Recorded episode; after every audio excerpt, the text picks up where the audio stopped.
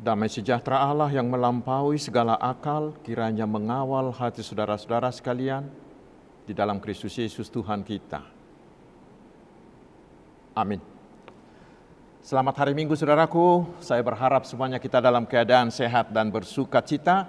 Dan hari ini di minggu ini Tuhan akan menyapa kita melalui firman-Nya yang menjadi berita Injil pada hari Minggu ini dari kitab Mazmur pasal 119 ayat yang pertama hingga ayat yang ke-8 saya bacakan untuk kita mari kita simak dengan baik. Berbahagialah orang-orang yang hidupnya tidak bercela, yang hidup menurut Taurat Tuhan.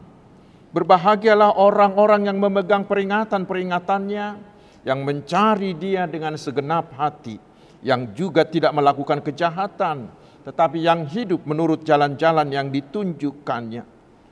Engkau sendiri telah menyampaikan titah-titahmu supaya dipegang dengan sungguh-sungguh. Sekiranya hidupku tentu untuk berpegang pada ketetapanmu, maka aku tidak akan mendapat malu apabila aku mengamat-amati segala perintahmu. Aku akan bersyukur kepadamu dengan hati jujur apabila aku belajar hukum-hukummu yang adil. Aku akan berpegang pada ketetapan-ketetapanmu. Janganlah tinggalkan aku sama sekali.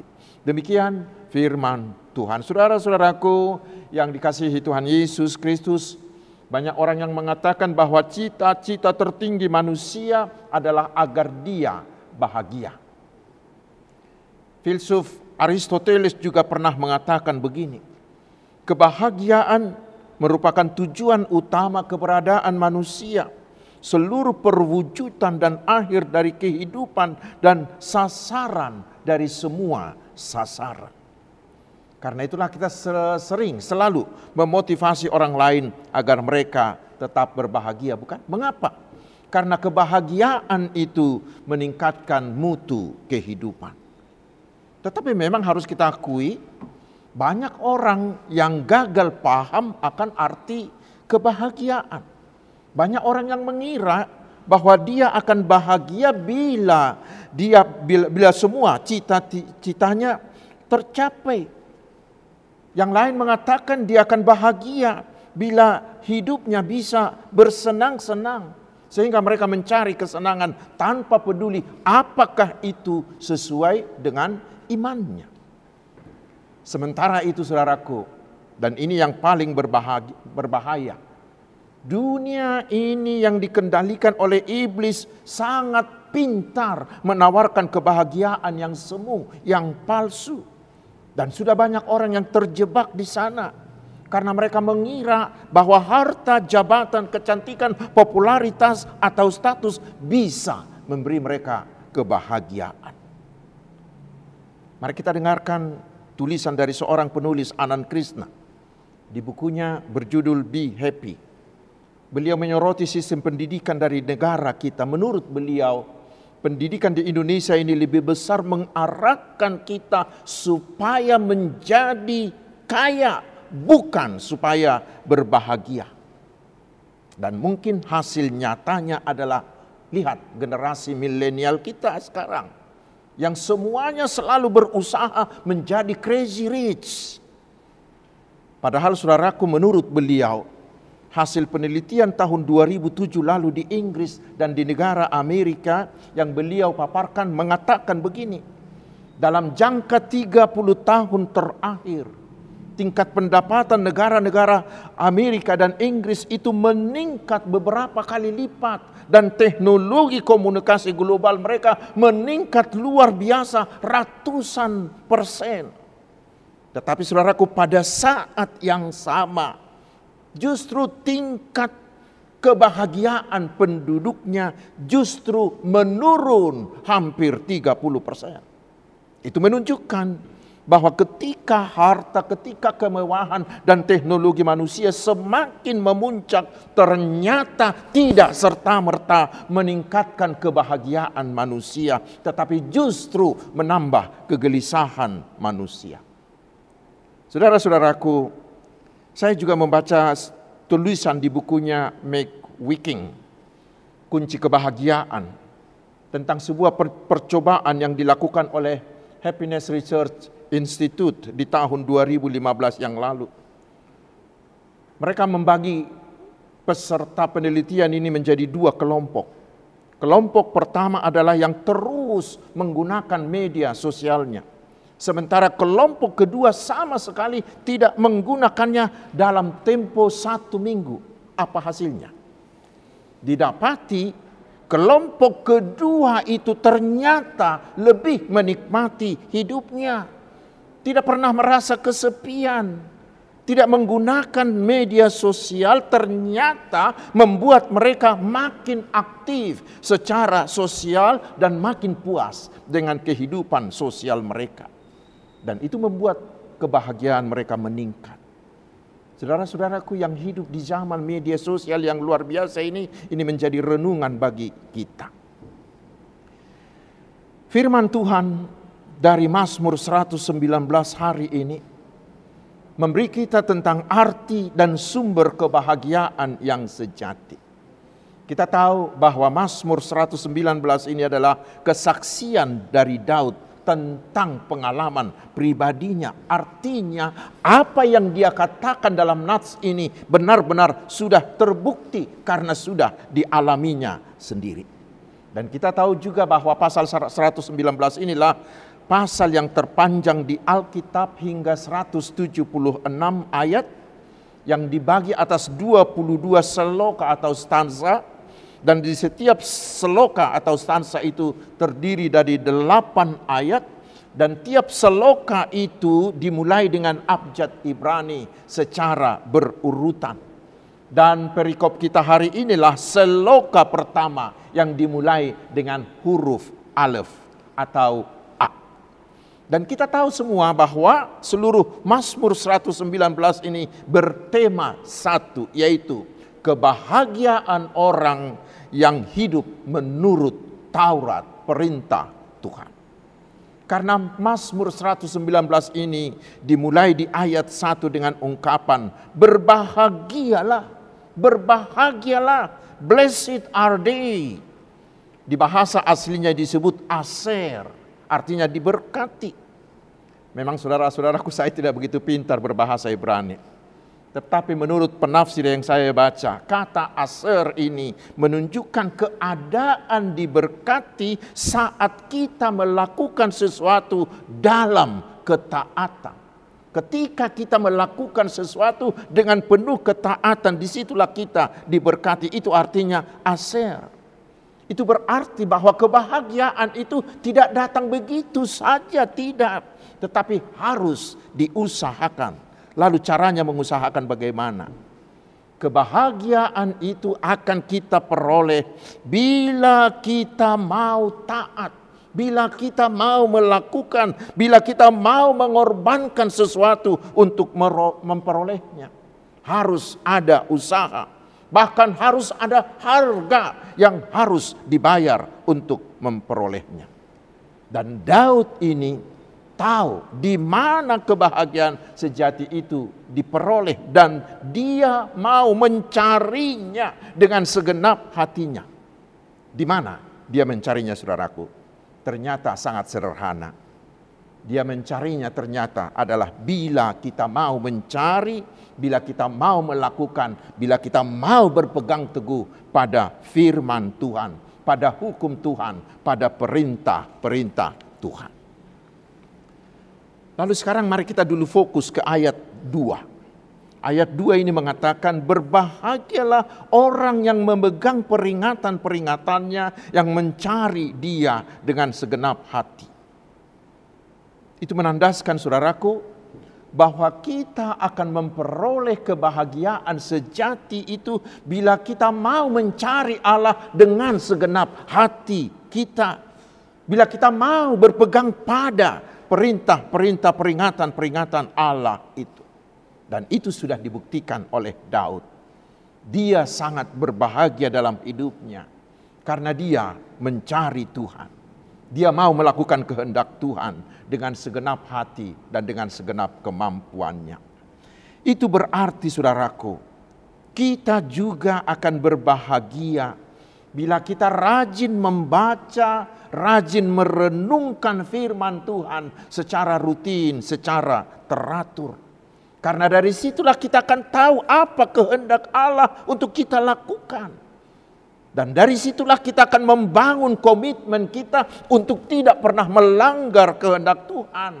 Tetapi terus berusaha dengan sekuat tenaga kita dengan meminta kekuatan bantuan dari roh kudus untuk bisa selalu melakukan apa yang difirmankan, apa yang diperintahkan, apa yang dikehendaki oleh Tuhan.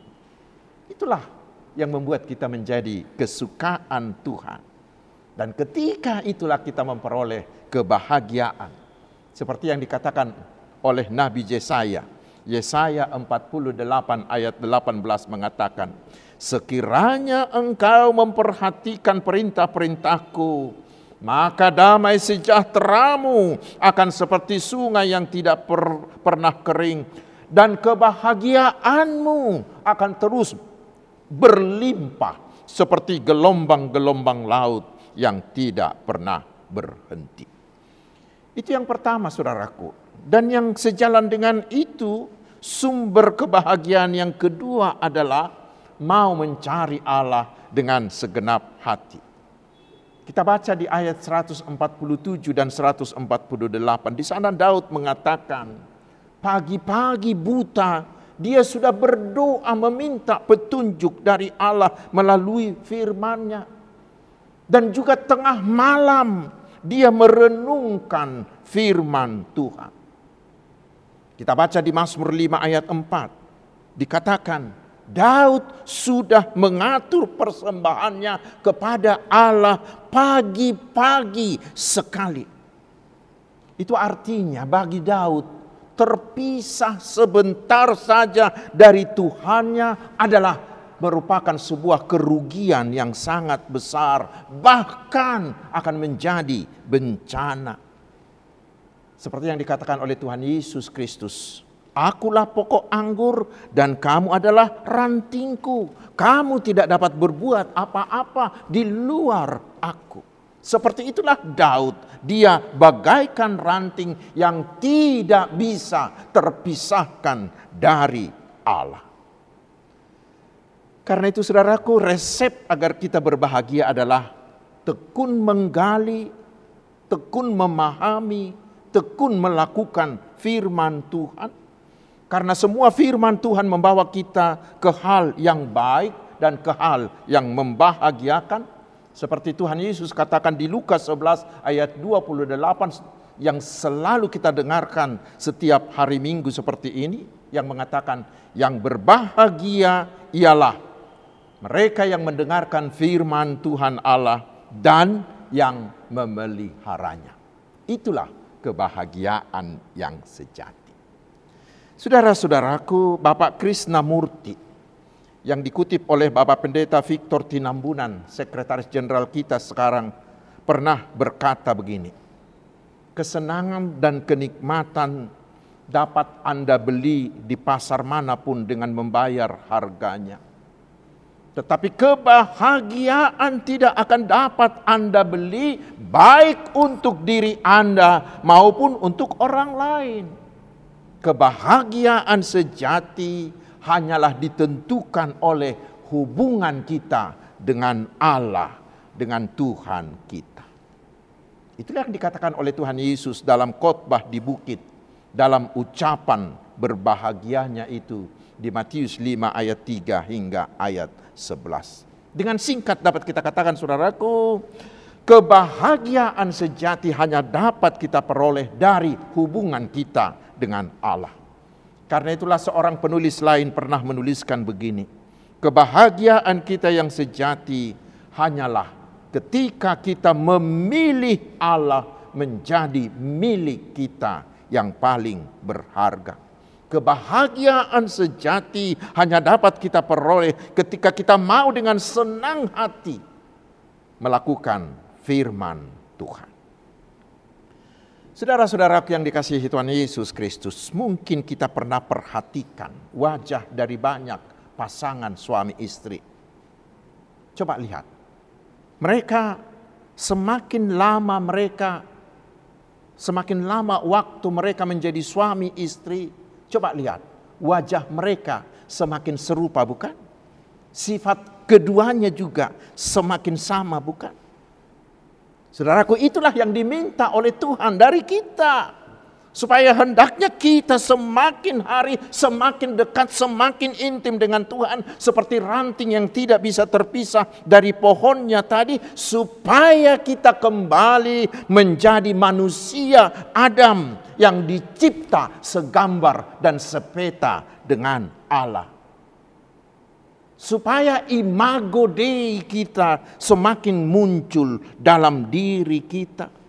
Bila kita semakin rajin bersekutu, semakin rajin melakukan firman Tuhan, maka semakin hari karakter kita, perilaku kita akan semakin sama dengan karakter dengan perilaku Tuhan Yesus kita. Makin lama semua perkataan kita, semua tingkah laku kita, semua perbuatan kita semakin meneladani seperti yang Tuhan perbuat. Itulah yang membuat kita berbahagia. Tetapi ada satu hal lagi yang yang yang penting kita sadari saudaraku. Banyak orang tidak menyadari ini. Yaitu Allah mencipta kita agar kita menjadi orang yang berbahagia. Bila saudara dilahirkan ke dunia ini, mulai dari hari pertama, Tuhan menginginkan sampai akhir hidupmu, Anda menjadi orang yang berbahagia. Itu pasti maksud Allah dengan kita. Cuman persoalannya bagaimana itu supaya terjadi. Itu yang dikatakan oleh firman hari ini yaitu supaya kita mau menerima Tuhan Yesus. Allah yang menjadi manusia. Supaya dia kita terima, kita jadikan menjadi milik kita yang paling berharga. Yesus Allah itu telah mau menjadi manusia sama dengan kita agar kita bisa menjadikan dia menjadi sahabat dan kita bisa menjadi satu dengan dia. Dan bila sudah demikian, bila kita dengan Yesus sudah seperti pohon dengan rantingnya, di situlah kita memperoleh kebahagiaan yang sejati. Tetapi sebaliknya, orang-orang yang membatasi dirinya, yang enggan, yang tidak mau bergaul dengan Tuhan Yesus, yang membatasi dirinya untuk melakukan firman Tuhan, orang-orang itu adalah orang-orang yang membuat dirinya tidak mau berbahagia. Tetapi yang pasti semua kita yang mendengarkan khotbah ini ingin berbahagia bukan? Hari ini Tuhan memberi kita resepnya yaitu tetaplah berpegang pada firman Tuhan. Dan carilah Allah dengan segenap hatimu. Seperti dikatakan firman tadi. Maka dengan itu, melalui firmannya itu, Tuhan akan menuntun seluruh hidup kita. Menuntun caramu berbisnis, menuntun caramu belajar, menuntun caramu berkata-kata, berkomunikasi dengan orang, menuntun caramu bergaul dengan orang lain. Firman Tuhan yang kita lakukan itu akan menuntun kita membangun cinta kasih di antara suami istri, di antara orang tua dengan anak-anak, di antara kolega-kolega, di antara satu huria, satu bangsa. Dengan firman Tuhan yang kita lakukan itu, itu akan menuntun kita bagaimana kita beraktivitas dalam semua hidup kita. Dan itulah yang membuat kita berbahagia. Karena itu jangan cari kebahagiaan itu di tempat lain. Di harta, di uang, di popularitas, atau yang lain-lain. Kebahagiaan sejati hanya ada di dalam Tuhan Yesus. Supaya Anda memperolehnya, jadikan dia menjadi sahabatnya.